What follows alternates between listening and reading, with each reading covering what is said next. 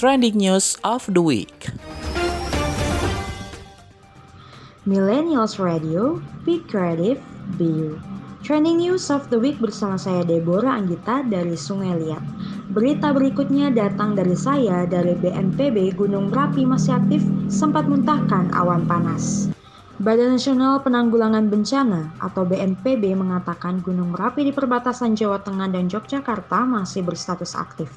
Dari data Balai Penyelidikan dan Pengembangan Teknologi Kebencanaan Geologi atau BPPTKG, tercatat guguran lava dan awan panas di sektor selatan dan barat daya. Berdasarkan informasi dari Abdul Muhari, Kepala Pusat Data Informasi dan Komunikasi Kebencanaan BNPB mengatakan, Gunung Merapi sempat mengeluarkan awan panas guguran atau APG pada Jumat sekitar pukul 14.46 WIB. Kejadian tersebut mengakibatkan turunnya hujan yang mana hujan air tersebut berwarna kecoklatan di wilayah Desa Kerinjing dan Desa Paten, Kecamatan Dukun, Kecam, Kabupaten Magelang. Muhari menyebut hujan air bercampur dengan abu vulkanik melanda desa Setabelan, desa Klaka, dan desa Logolele di Kecamatan Selo, Kabupaten Boyolali. Menurut pengamatan, aktivitas Gunung Merapi dalam satu pekan terakhir terjadi enam kali guguran awan panas dengan jarak luncur ke arah selatan sejauh maksimal 1.300 meter dan empat kali ke arah barat dengan jarak luncur maksimal 3.000 meter.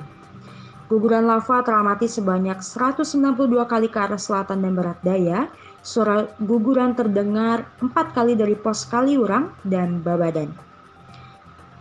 Menurut BPPTKG, akan melihat adanya dampak magmatik lewat seringnya intensitas gempa di pekan pertama Desember 2023.